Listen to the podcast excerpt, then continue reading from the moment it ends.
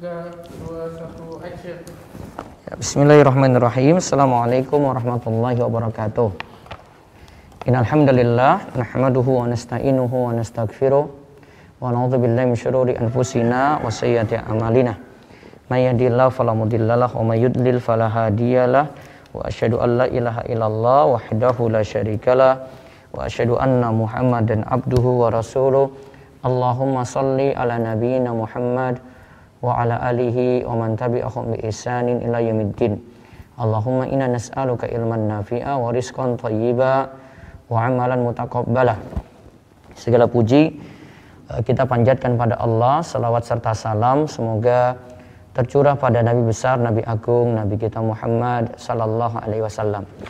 Pemirsa sekalian yang semoga senantiasa dirahmati dan diberkahi oleh Allah pada kesempatan pagi ini kita kembali di Mudahkan oleh Allah untuk bermajelis ilmu. Semoga majelis ini bawa berkah kebaikan bagi kita semuanya dan kita senantiasa diberikan keistiqomahan uh, menjalankan suatu dengan sabat, dengan sabar dan tuntas dan meraih kebaikan yang banyak dari ilmu yang kita pelajari.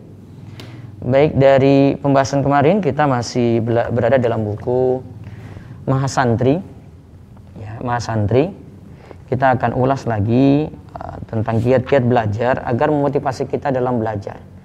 Insya Allah setelah pembahasan ini nanti uh, kami akan melanjutkan di kajian pagi yang sama dengan pembahasan uh, kitab Al-Qaidul Arba.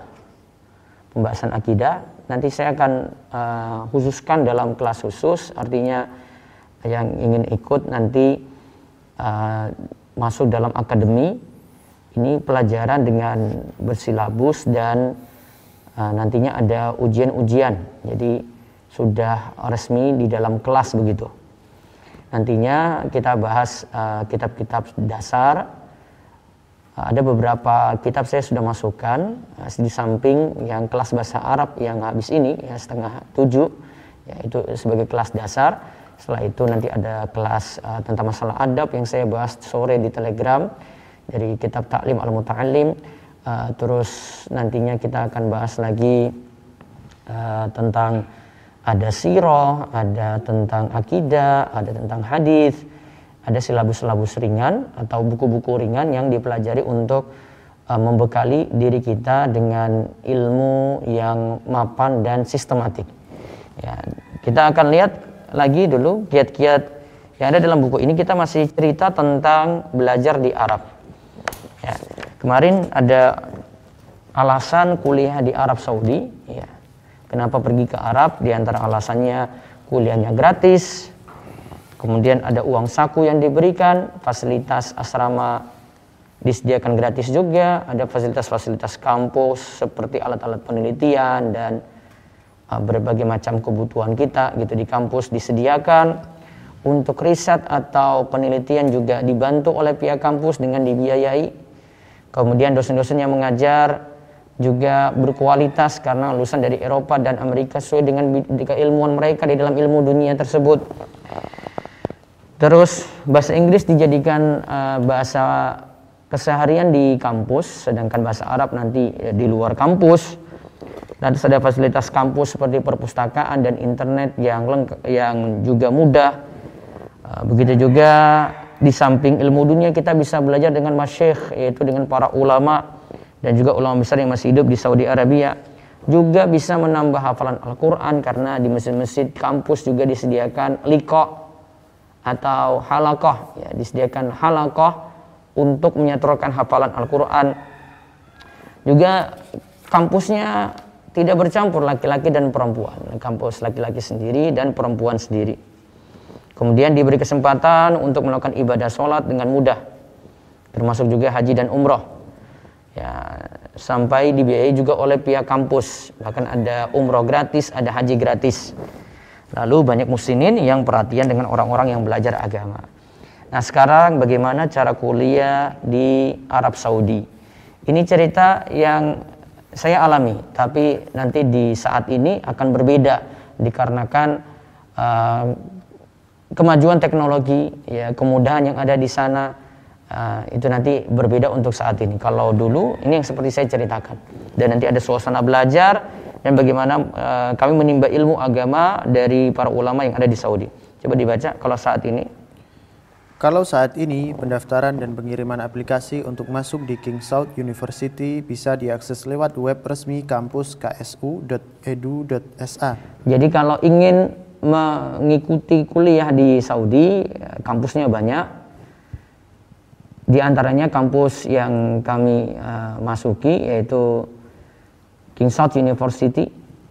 Nah, infonya untuk kampus ini ada di website, di situs web bisa dikunjungi langsung. Ini website resminya ksu.edu.sa. ksu.edu.sa. Bisa juga langsung melihat sekarang sudah ada Instagramnya aktif, di Twitternya King South University juga ada aktif, Facebooknya juga aktif. Saya follow semuanya eh, info-info uh, di kampus saya tadi.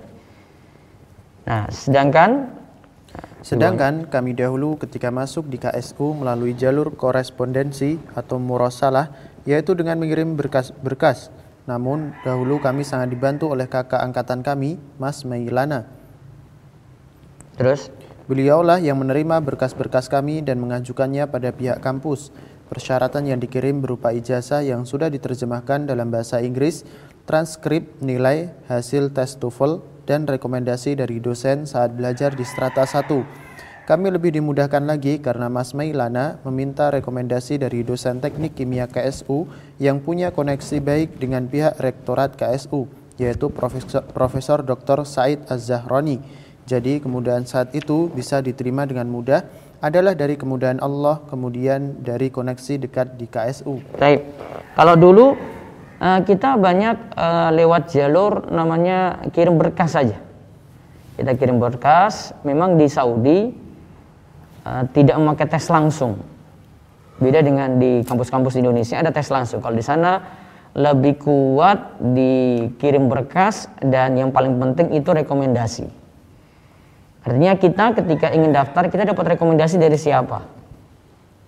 Kalau ada kakak angkatan di sana atau kenalan di uh, King South University yang duluan masuk terus punya kenalan lagi yang bisa membantu mungkin karena kita yang nanti ikut penelitiannya karena saya waktu itu daftar lewat Profesor Dr. Said Az-Zahrani karena harus ikut penelitian beliau ya harus ikut jadi tim riset beliau di semua proyek-proyek risetnya kita harus turut serta di situ waktu saya konsen pada polimer jadi Eh, saya ikut uh, bagian penelitian beliau tentang polimer.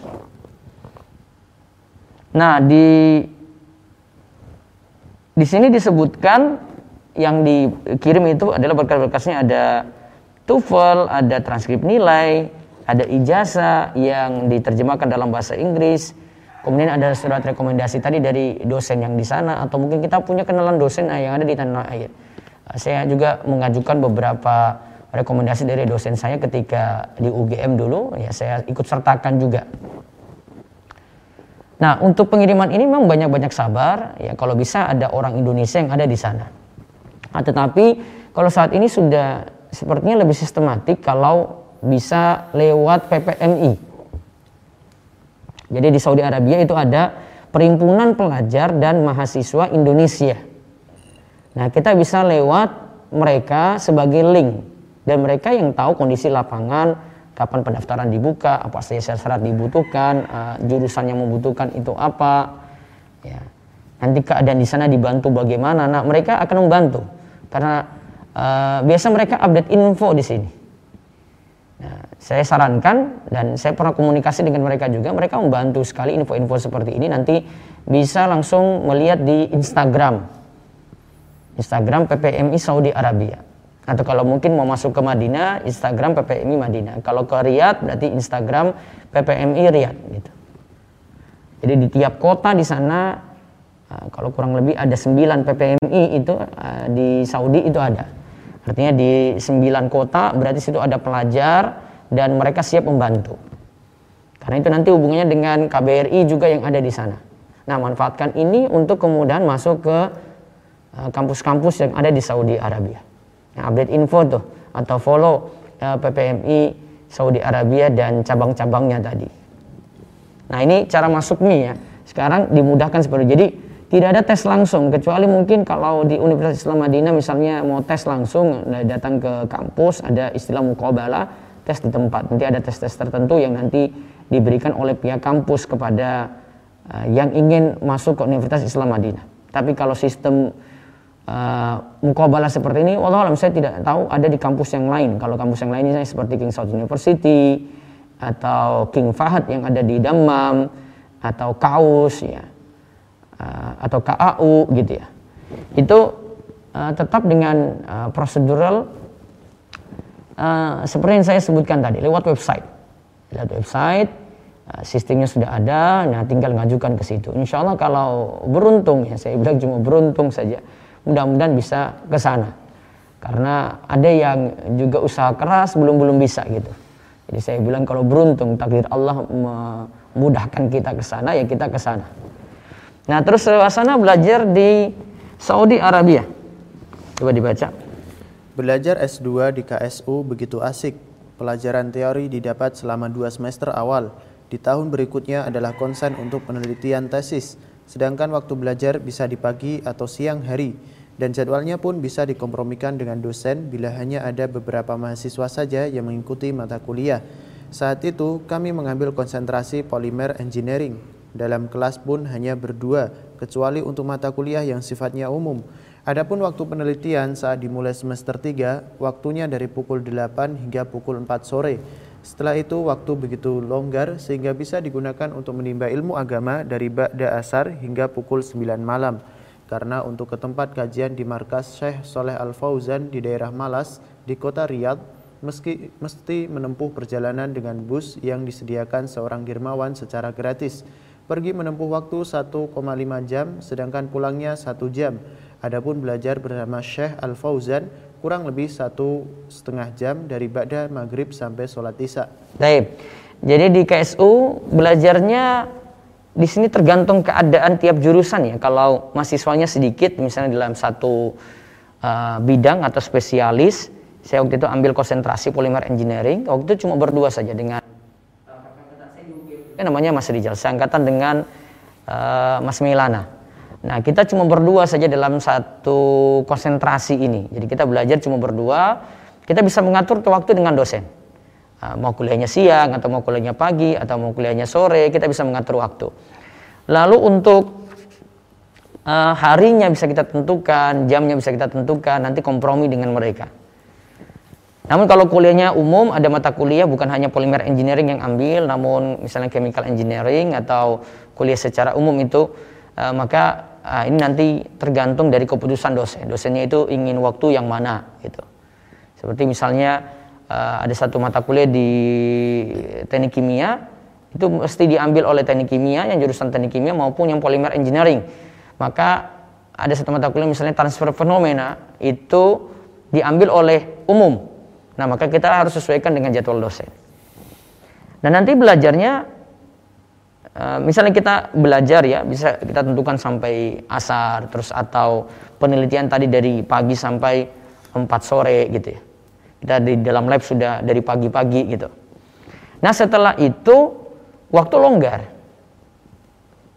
Tugas juga tidak ada begitu. Ya, atau ada tugas kita masih bisa membagi waktu gitu ya.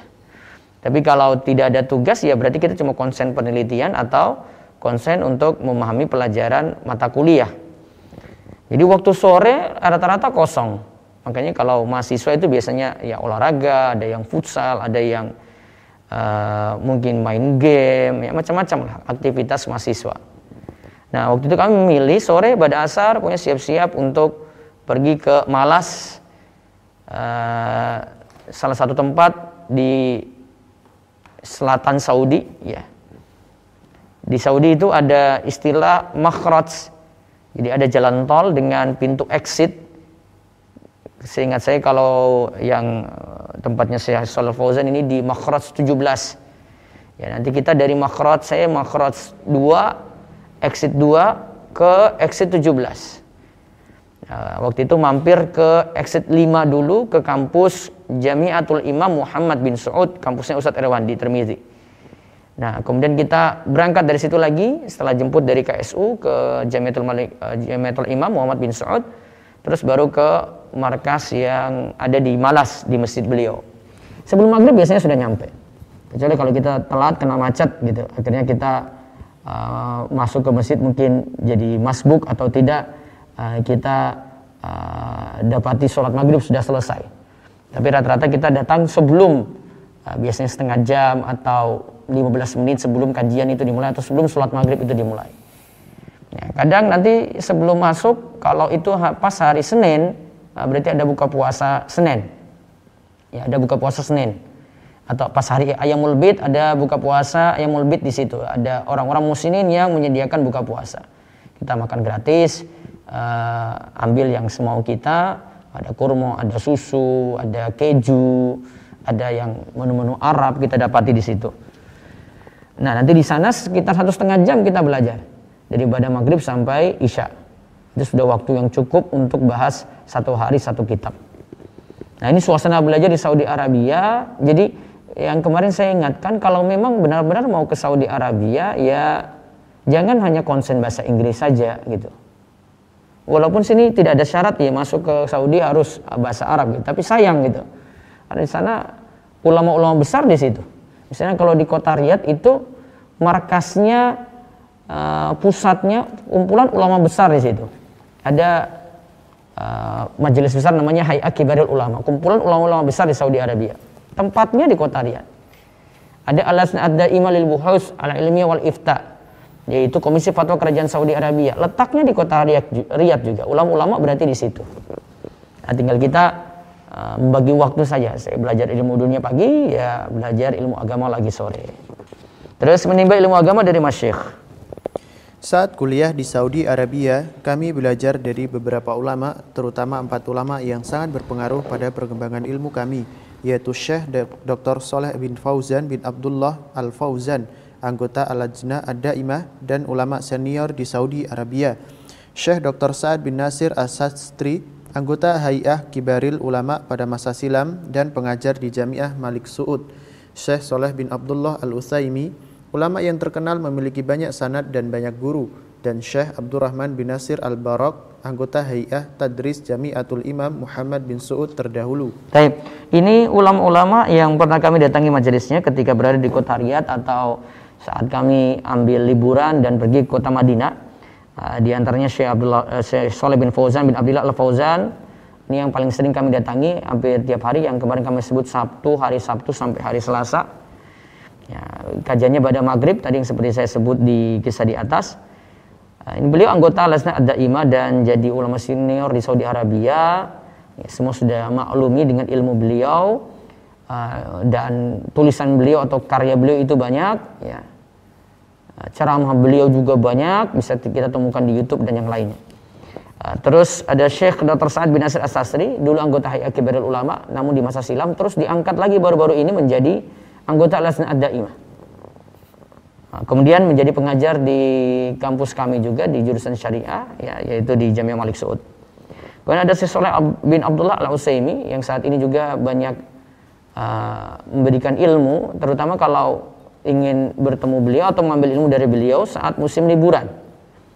Musim liburan uh, musim liburan di sekitar bulan Januari gitu ya. Nah, itu ada uh, semester liburan semester singkat sekitar dua minggu. Nah, itu beliau membuka majelis 8 hari di uh, Madinah menggantikan majelis Syekh Abdul Muhsin Al-Abbad Al-Badar. Nah, beliau ngisi 8 hari. Belajarnya dari ba'da subuh ya, sampai jam 10 siang. Ya, kemudian dilanjutkan lagi eh, ada waktu istirahat, kemudian lanjutkan lagi ba'da asar sampai jam 10 malam. Ba'da asar sampai jam 10 malam. Membahas kurang lebih lebih daripada 20 kitab atau risalah ringkas nanti beliau syarah atau beri, beliau beri penjelasan. Dan beliau terkenal punya banyak sana dan banyak guru. Dan waktu itu ada kesempatan sebelum sidang tesis ya, tesis selesai eh, sambil menunggu ya kami mengambil majelis 8 hari tadi inap di Madinah terus belajar langsung dengan Syekh Saleh bin Abdullah Al-Usaimi di Masjid Nabawi. Dan ada juga Syekh Ibrahim bin Nasir Al-Barrak. Nah, kami belajar dengan beliau saat musim saifiyah, liburan semester musim panas. di salah satu masjid di kota Riyadh ada daurah dalam waktu seminggu. Nah, di antaranya uh, dengan beliau.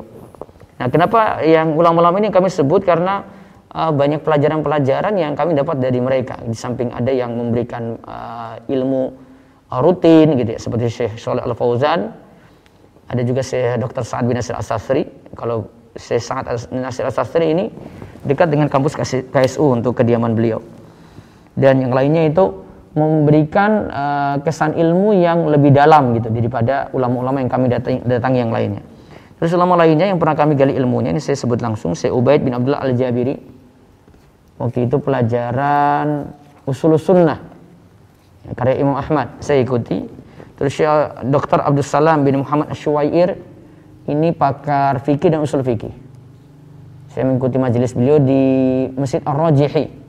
Dan saat ini uh, kalau uh, masalah fikih uh, saya mudah tangkap pelajaran beliau karena kaidah-kaidahnya jelas, kaidah-kaidahnya baku dan mudah untuk dipahami. Kemudian ada juga Syekh Dr. Ahmad bin Abdul Musin At-Tuwaijiri. Ya, terus ada Syekh Dr. Sa'ad bin Turki Al-Khuslan, Syekh Dr. Abdullah Abdul Aziz Al-Ankari. Kalau ini yang saya sebutkan dari Syekh uh, Sa'ad Al-Khuslan, Al-Ankari ini kalau Al-Khutlan pakar fikih kontemporer, fikih muamalat. Kalau Syekh Al-Anqari ini pakar akidah. Ya, saya mengambil ilmu akidah dari beliau. Ada satu kitab yang dibahas tuntas. Terus ada Syekh Abdul Aziz bin Abdullah Al Syekh, Mufti Saudi Arabia. Ada majelis beliau uh, sempat uh, dihadiri. Terus ada Syekh Saleh bin Abdullah bin Humaid, penasihat kerajaan Saudi Arabia. Kalau tidak salah ini beliau datang ke kampus kami waktu itu. Kemudian ada Syekh Abdul Aziz bin Abdullah Ar-Rajihi, profesor di Jamiatul Imam Muhammad bin Saud. Dan juga ada Syekh Dr. Abdullah bin Nasir As-Sulmi, ah, ini pakar fikih. Ada Syekh Khalid As-Sabat, ah, akidah. Syekh Abdul Aziz As-Sadahan, ah, beliau cenderung ke akidah dan manhaj. Ada Syekh Abdul Karim Khudair, pakar hadis kalau di Saudi Arabia. Ada Syekh Abdul Rahman Al-Ajlan, ini majelisnya pernah setiap kali umroh saya tahu majelisnya ada di Masjidil Haram Ya, kadang mampir untuk dengar uh, pelajaran-pelajaran beliau. Dan juga Syekh Abdul Aziz At-Tarifi, ya, seorang ulama muda. Walaupun yang terakhir ini, nama terakhir ini banyak dikritik oleh para ulama karena pemikiran. Terus kami pernah juga memperoleh sanat 20, 20 kitab, mayoritas adalah kitab-kitab karya Syekh Muhammad bin Abdul Wahab yang bersambung langsung sampai penulis kitab melalui guru melalui guru kami yaitu Syekh uh, Saleh bin Abdullah Al-Utsaimin. Sanat tersebut diperoleh dari daurah bernama Muhimmatul Ilm Eh, selama 8 hari di Masjid Nabawi yang tadi saya cerita di Masjid Nabawi Madinah An-Nabawiyah dari tanggal 5 sampai 12 Rabiul Awal 1434 Hijriah. Daur ini diikuti seminggu yaitu 8 hari tadi ya. Sebelum kami menjalani sidang tesis S2 di bulan Januari 2013. Setelah menjalani sidang tesis, kami langsung mengurus berkas-berkas kepulangan, akhirnya berada di Indonesia pada bulan Maret 2013. Nah, kisah yang berikutnya ini kisah dari Dr. Hakim bisa belajar di pondok mahasiswa di luar jam sekolah. Ini beliau cerita uh, keadaan beliau ketika belajar. Coba kita baca sedikit, ya silakan. Saya bukanlah siapa-siapa, bukan seorang ustadz yang memiliki segudang ilmu, bukan pula tolabul ilmi, penuntut ilmu yang mengkhususkan waktunya untuk belajar agama. Namun di sini saya hanya ingin berbagi dengan para pembaca, yaitu berbagai pengalaman ketika saya berusaha untuk membagi waktu antara kuliah dengan belajar agama. Ini adalah proses yang pernah saya jalani sejak kecil, yaitu ketika masih duduk di bangku SD dan SLTP. Ya, dia cerita dari bangku SD dan SLTP. Ya, terus? Kisah belajar di waktu kecil. Ketika masih menempuh sekolah dasar di SD Negeri Pandangan 2, Keragan, Rembang, Jawa Tengah, Bapak juga menyekolahkan saya di Madrasah Diniyah Miftahus Solihin, Keragan, Rembang, Jawa Tengah. Belajar di madrasah ini sangat tempuh siang hari sepulangnya dari sekolah pukul 13.30 sampai 16.30. Bapak memasukkan saya ke madrasah ini ketika saya kelas 2 SD dan saya menyelesaikannya ketika saya sudah kelas 1 SLTP atau kelas 6 atau 6 tahun.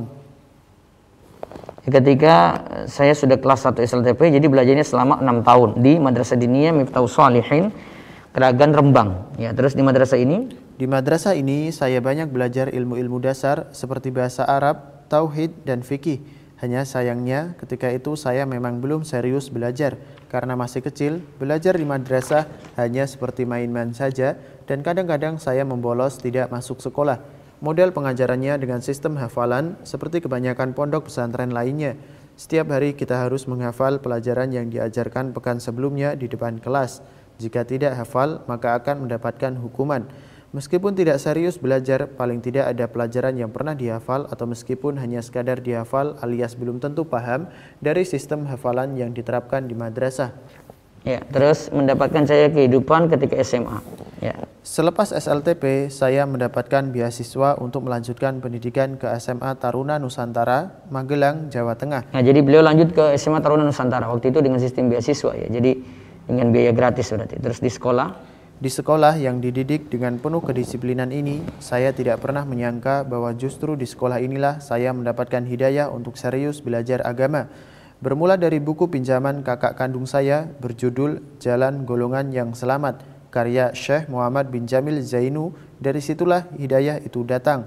Rasa penasaran saya menyebabkan saya membacanya sampai dua sampai tiga kali Kebetulan ada teman SMA yang tidak sengaja membeli buku terjemah kitab Tauhid Syekh Soleh Al-Fauzan yang berjumlah tiga jilid. Jadi Syekh Soleh Al-Fauzan itu punya dulu ada buku yang terjemahkan ada tiga jilid kitab Tauhid. Ini berbeda dengan kitab Tauhid karya Syekh Muhammad bin Abdul Wahab. Ya terus Sejak itulah saya mulai akrab dengan buku-buku karya ulama salaf yang saya beli dari toko buku di kota Magelang atau minta tolong dibelikan oleh kakak yang saat itu sedang kuliah di Yogyakarta. Ya.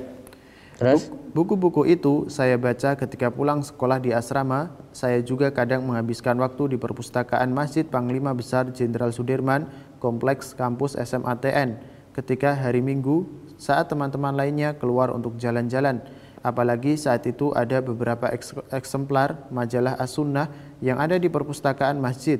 Saat, sejak saat itulah kecintaan terhadap ilmu agama mulai muncul dan sejak saat itu pula muncul tekad kuat untuk melanjutkan kuliah di Yogyakarta, kota yang sangat mudah mendapatkan majelis-majelis ilmu sehingga bisa belajar agama di luar waktu kuliah. Allah pun mengabulkan doa saya sehingga saya diterima di program studi pendidikan dokter Fakultas Kedokteran Universitas Gajah Mada FKUGM Yogyakarta. Ya, jadi beliau dari SMA Taruna Nusantara banyak belajar di situ lewat buku ya. Dari buku Firqatun Najiyah, jalan golongan yang selamat dan juga ada kitab tauhid dan juga ada, ada majalah sunnah. Nah, akhirnya mengambil pilihan ke Jogja karena situ ada uh, ada peluang untuk masuk. Beliau diterima di Fakultas Kedokteran Universitas Gajah Mada dan saat ini menjadi peneliti di kedokteran juga. Uh, terus daurah Muslim Muslimah dasar DMMD dan Badar bahasa Arab dasar menjelang masuk kuliah. Nah ini ketika itu saya ikut program ini juga uh, barengan dengan Dokter Hakim. Jadi beliau ikut, beliau baru masuk UGM, saya ikut, saya sudah mau masuk semester 3. Jadi saya lebih duluan satu tahun daripada Dokter Hakim. Terus setelah wisuda lulus SMA, setelah wisuda lulus SMA, ada jeda waktu beberapa bulan sebelum masuk kuliah dan alhamdulillah ketika itu di Yogyakarta ada daurah semacam pesantren kilat bertajuk Daurah Muslim Muslimah Dasar atau DMMD yang diselenggarakan oleh Lembaga Bimbingan Islam Al-Azhar Asrai. Al-Atsari, ya Al-Atsari terus Selama seminggu ya. di acara itu saya mulai mengenal teman-teman yang juga memiliki perhatian yang sama dengan ilmu agama Selesai. DMMD, saya mengikuti program intensif Bahasa Arab Dasar atau Badar selama 1 sampai 2 bulan dengan mempelajari kitab Muyasar. Nah, itu Bahasa Arab 1 sampai 2 bulan ya. Ini belajarnya pagi sore waktu itu. Terus Bekal ilmu nahwu dan sorof yang dulu pernah saya hafalkan ketika madrasah sangat membantu kelancaran mengikuti program ini. Saya pun lulus dengan meraih peringkat satu di kelas Selesai mengikuti Badar, saya memiliki sedikit pemahaman tentang kaidah-kaidah bahasa Arab dan sejak itulah saya mulai belajar untuk membaca kitab para ulama sampai saat ini. Baik, jadi beliau sudah punya dasar untuk belajar nahu dan sorab karena sudah dapat di madrasah dinia tadi. Kalau saya sendiri tidak punya dasar, jadi ya, sekadar ikut saja, nah, jadi belajarnya dari nol. Kalau beliau sudah punya dasar karena dulu pernah ikut Madin. Terus selesai Badar, selesai Badar, LBIA menawarkan program Mahat Al-Ilmi bagi para mahasiswa. Konsepnya, kita mendapatkan kesempatan untuk belajar agama dengan mempelajari kitab para ulama. Pelajaran dijadwalkan di luar jam kuliah, baik sore atau malam hari. Tentu saja ini adalah apa yang sudah saya idam-idamkan dulu ketika SMA. Oleh karena itu, tanpa ragu lagi, saya mendaftar untuk mengikuti program 2 tahun tersebut. Jadi, jadi Mahatal Ilmi itu program 2 tahun dan Dokter Hakim ini termasuk yang semangat untuk belajar dibandingkan dengan saya. Jadi uh, beliau karena kedokteran biasanya pelajarannya padat di pagi hari, ya, siang hari beliau uh, baru selesai gitu, sore beliau ikut pelajaran, nggak pernah bolos juga gitu. Kalau seandainya tidak bisa masuk karena ada penelitian kampus atau di lab ya maka beliau cari rekaman ikuti rekaman itu sampai selesai jadi beliau tetap istiqomah walaupun tidak bisa hadir. Ada rekaman diikuti lagi gitu. Atau enggak kadang-kadang beliau pinjam catatan saya. Karena saya lebih punya peluang untuk hadir ya, karena tidak terlalu anak teknik tidak terlalu banyak eh, praktek dan di lab sebagaimana anak kedokteran gitu. Terus belajar di mat ilmi Ketika memulai semester 1 kuliah di FK UGM, di saat yang sama saya juga menempuh pendidikan di Mahat Al-Ilmi kelas IDAT, IDAT kelas pemula. Kebetulan saat itu FK UGM mengubah sistem pengajarannya dari sistem konvensional ke sistem blok, Problem Based Learning atau PBL. Keuntungannya, jadwal kuliah sedikit longgar, tidak sepadat dulu Sepulang kuliah, saya sudah harus bersiap mengikuti pelajaran di Ma'had Al-Ilmi yang diselenggarakan pada waktu sore jam 16 sampai maghrib atau malam hari pada maghrib sampai jam 20. Kalaupun ada bentrok, misalnya kuliah atau praktikum sampai jam 17, maka saya harus izin pengurus izin pengurus Ma'had Al-Ilmi untuk tidak mengikuti pelajaran, namun hal ini jarang terjadi. Nah, jadi kalau ada bentrok, misalnya kuliah sampai jam 5, Uh, beliau izin, tapi ini jarang terjadi. Ya, yang tadi saya cerita. Kalau beliau tidak bisa hadir, uh, setahu saya beliau dengar rekaman lagi. Waktu itu saya punya rekamannya, kadang beliau pinjam rekaman saya untuk mengulang pelajaran tadi, karena saya koleksi-koleksi audio-audio yang uh, saya dengar langsung. Jadi waktu itu saya bawa rekaman kecil, saya taruh ke meja ustadz. Kalau selesai saya simpan di komputer. Kalau ada yang butuh, mereka bisa manfaatkan rekaman tersebut. Rekamannya sepertinya uh, sudah banyak yang copy Eh, terutama kalau kajiannya Ustadz Aris Munandar, saya termasuk yang banyak merekam dulu. Terus saya mengikuti program ini? Saya mengikuti program ini selama 2 tahun, yaitu kelas Iqdat atau kelas pemula dan kelas takhosus, kelas kelanjut, kelas lanjutan. Ustadz yang mengajar adalah ustadz-ustadz yang mengajar di beberapa pondok pesantren di Yogyakarta, seperti Ustadz Abu Sa'ad, MA, Ustadz Abu Isa, Ustadz Aris Munandar, Ustadz Marwan, dan beberapa Ustadz lainnya. Nah ini Ustadz-Ustadz yang mengajar di Mahat Ilmi ya. Ada Ustadz Abu Sa'ad sudah meninggal dunia. Ada Ustadz Abu Isa. Eh, sekarang di Tasikmalaya. Kalau beliau ini yang mengajarkan uh, akidah kepada kami. Kitab Tauhid, uh, salah satu usul, Qaidul Arba, Kashfus Syubhat. Uh, asalnya kami dapat dari beliau. Waktu saya ke Saudi saya cuma mantapkan saja ilmu dari Ustadz Abu Isa. Terus kalau Ustadz Aris Munandar ini ngajar kitab Al-Wajiz. Nah, terus ilmu usul fikih. Ya, kalau ilmu usul fikih uh, saya dokter hakim terus uh, Ustadz Aminur Bait. Nah, ini akarnya itu dari Ustadz Aris Munandar. Jadi banyak mengkaji dari Ustadz Aris. Jadi, banyak ilmu usul fikih dan kuait fikih ya, karya Ibnu Taimiyah dan Ibnu Qayyim yang kita pelajari dari beliau. Terus Ustadz Marwan, dan ustadz lainnya. Ya, terus di akhir setiap semester? Di akhir setiap semester diadakan ujian untuk mengevaluasi pemahaman santri. Kegiatan belajar di Mahat Al-Ilmi mayoritas berakhir menjelang sholat maghrib. Beberapa pelajaran yang berakhir pukul 20 diletakkan pada malam Sabtu atau malam Minggu karena Sabtu dan Minggu adalah hari libur sehingga tidak mengganggu aktivitas kuliah. Ya, jadi kalau ada pelajaran sampai jam 8 malam ditaruh di hari Sabtu atau Minggu. Hari Sabtu atau Ahad ya, nanti dari pada maghrib sampai uh, pada isya berarti terus kami bisa belajar materi-materi kuliah setelah isya ter termasuk mengajarkan tugas-tugas kuliah seperti membuat laporan menyiapkan materi untuk tutorial dan sebagiannya dan sebagainya kegiatan Mahat Al-Ilmi juga diadakan hari Minggu memanfaatkan hari libur mahasiswa Intinya, bagaimana kita dipaksa oleh sebuah sistem, yaitu Mahat Al-Ilmi, agar waktu-waktu kosong, sore, atau waktu libur, kita bisa dimanfaatkan seoptimal mungkin untuk belajar agama. Nah, jadi Mahat Ilmi dulu mengambil kesempatan waktu kosong mahasiswa, yaitu hari hari Ahad itu dibuat pelajaran. Karena ada yang kan yang nggak pulang daripada pergi jalan-jalan yang nggak ada guna, ya. Maka di masuki pelajaran pada hari Ahad tadi. Nah, keadaannya dia misalnya tinggal dari Jogja ke Klaten atau Jogja ke Sragen misalnya, kadang sering pulang gitu. Tapi kalau kami yang anak perantauan yang nggak bisa pulang ya ikut pelajaran ini karena tidak ada pilihan lain ketika itu. Nah lalu nanti kita akan bahas besok pagi bagaimana empatkan waktunya nanti akan dijelaskan oleh dokter Hakim di sini dan setelah itu nanti kita masuk di halaman 183 tentang manajemen waktu belajar.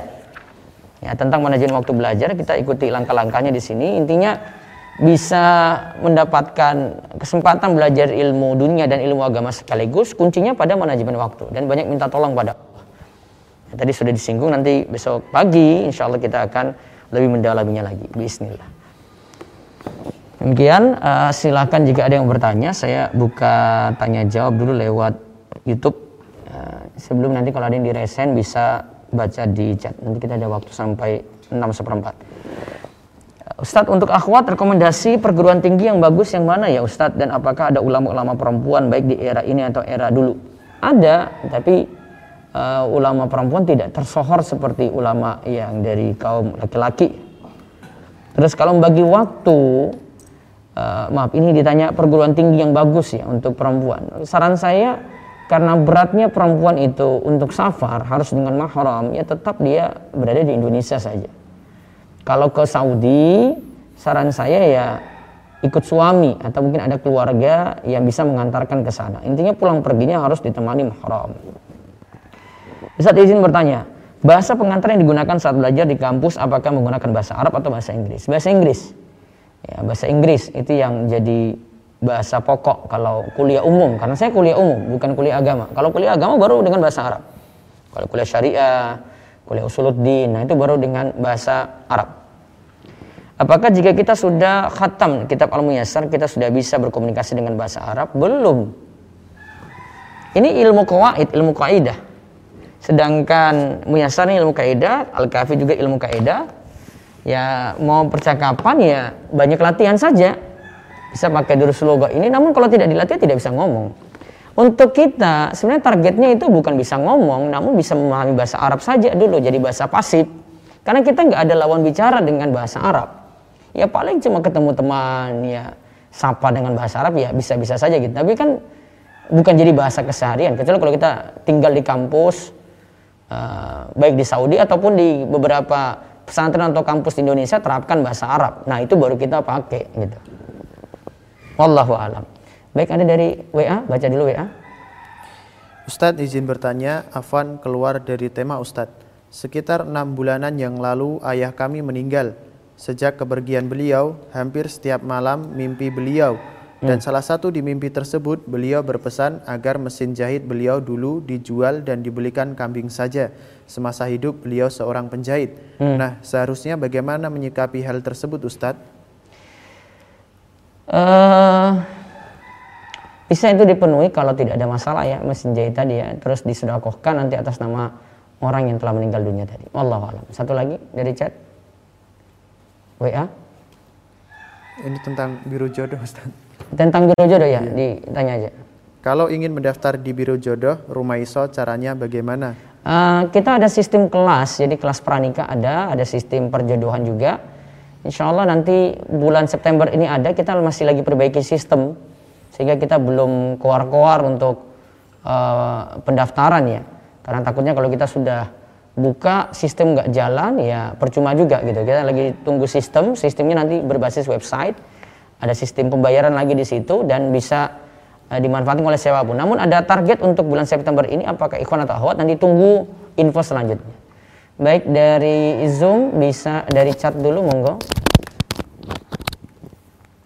Baik Ustaz mengajarkan via chat. Assalamualaikum warahmatullahi wabarakatuh Ustaz. Waalaikumsalam warahmatullahi wabarakatuh. Ustaz, aku izin bertanya, apakah boleh jika seorang penjual akan promo diskon via dompet virtual untuk mengirimkan barang jualannya, tapi pembeli memilih menggunakan promo diskon melalui dompet virtual pembeli. Penjual hanya membantu menyiapkan barang saja hingga ojek online datang. Jazakallah khairan. Allah Allah masih boleh kalau masalahnya cuma situ aja dia sebut ya. ya bisa dipending dulu bu, nanti saya pelajari lagi. Uh, coba baca satu lagi lewat chat. Bismillah Ustadz, Afwan bertanya di luar tema. Jika ada keinginan atau doa yang terbesit sekilas hanya di dalam hati, apakah bisa terkabul? Uh, doa minimal di uh, lafazkan. Lafazkan itu minimal mulut komat pamit gitu. Jadi jangan dalam batin saja. Kalau dalam batin saja, uh, iya Allah tahu, tapi baiknya diungkapkan gitu, diungkapkan lewat doa kita, lewat lisan kita. Terus satu lagi lewat chat. Uh, Ustadz, saya ingin membeli buku di salah satu marketplace. Hmm. Ternyata dia hanya menjual fotokopiannya saja, bukan yang asli. Bagaimana hmm. itu hukumnya Ustadz? Fotokopian nggak boleh, nanti dia bajak di situ ya. Kecuali kalau memang itu bukan buku yang diterbitkan, artinya buku PDF itu disebar, silahkan untuk diperbanyak. Nah, ini beda lagi gitu. Namun kalau ada buku percetakan sudah ada dia urus resmi, sudah ada ISBN, sudah ada klaim di situ nggak boleh diperbanyak, ya sudah berarti manut pada itu nggak boleh fotokopi seperti tadi. Baik, yang chat silakan, coba diperbesar suaranya lagi, Mas Bayu. Ya. ya, yang yang maaf, yang resen silakan, resen langsung. Ya.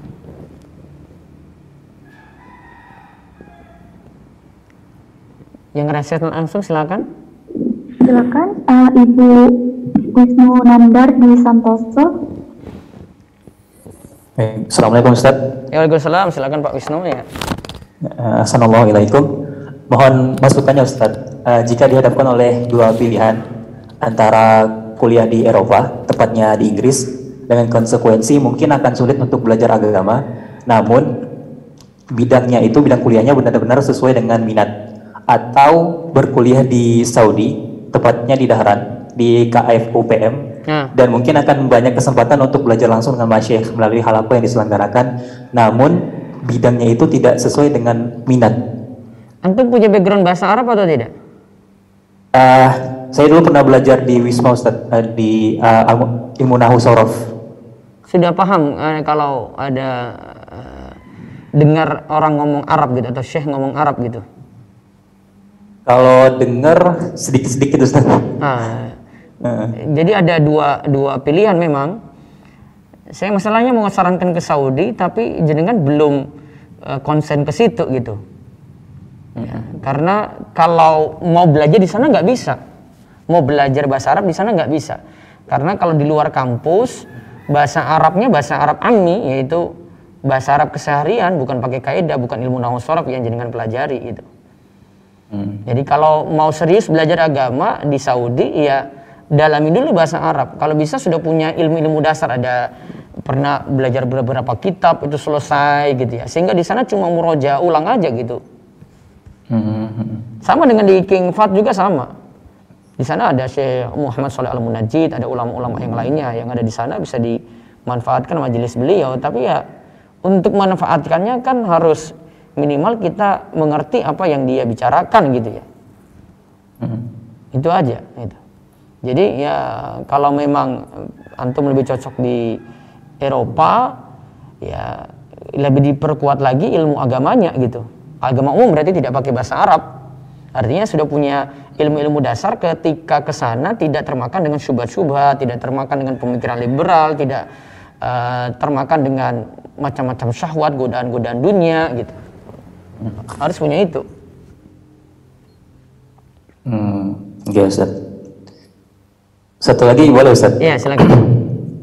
Uh, apakah boleh jika kita itu saat berkuliah di Saudi uh, untuk belajar agama uh, lebih dalam kan?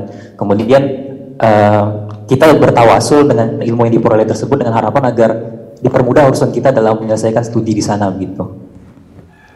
Jadi belajar agamanya supaya dipermudah menyelesaikan studi. Iya, bukan niat utama, tapi ya ada harapan begitulah. Gitu. Bisa saja.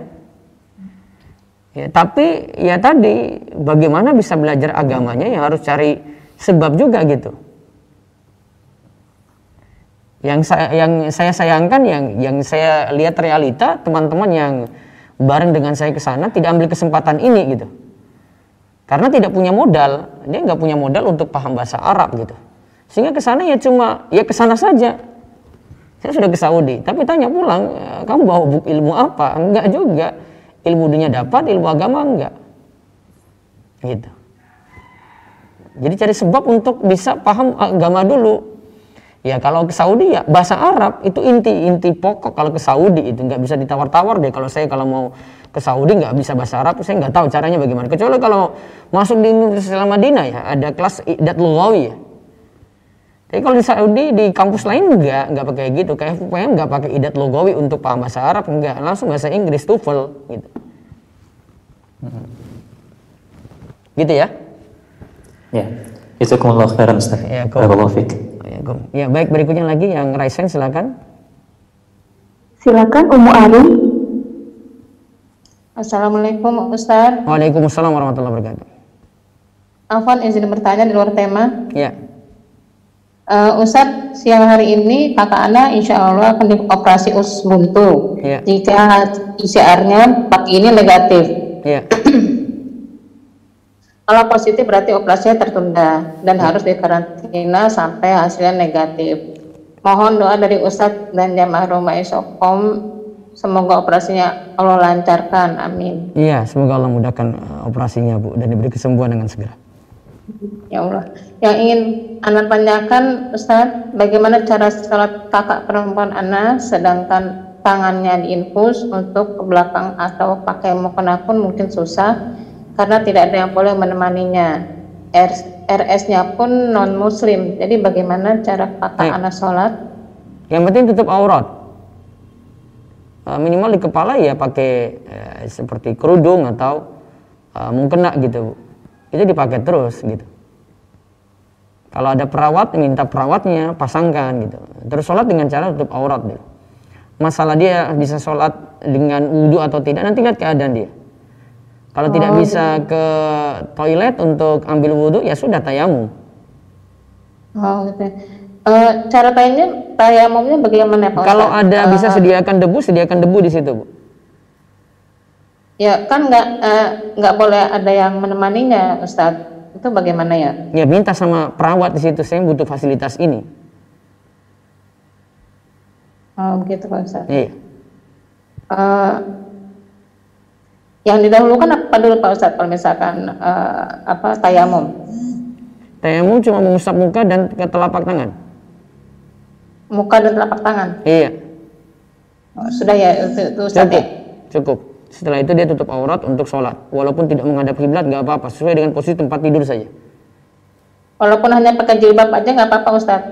Yang penting bawa tutup itu kan ada selimut gitu ya. Ya. Ya tutup sampai tutup kaki gitu.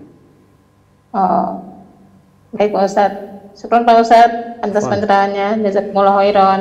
Ya, Kum. Baik, eh, saya cukupkan dulu karena mau persiapan kelas bahasa Arab yang belum saya jawab. Insya Allah besok lagi. Besok kita bahas tentang manajemen waktu. Mudah-mudahan jadi manfaat bagi kita semuanya. Kita cukupkan, tutup dengan doa kafaratul majlis. Subhanakallahumma bihamdik. Syadu alla ilaha illa anta astaghfiruka wa atubu ilaik. Assalamualaikum warahmatullahi wabarakatuh.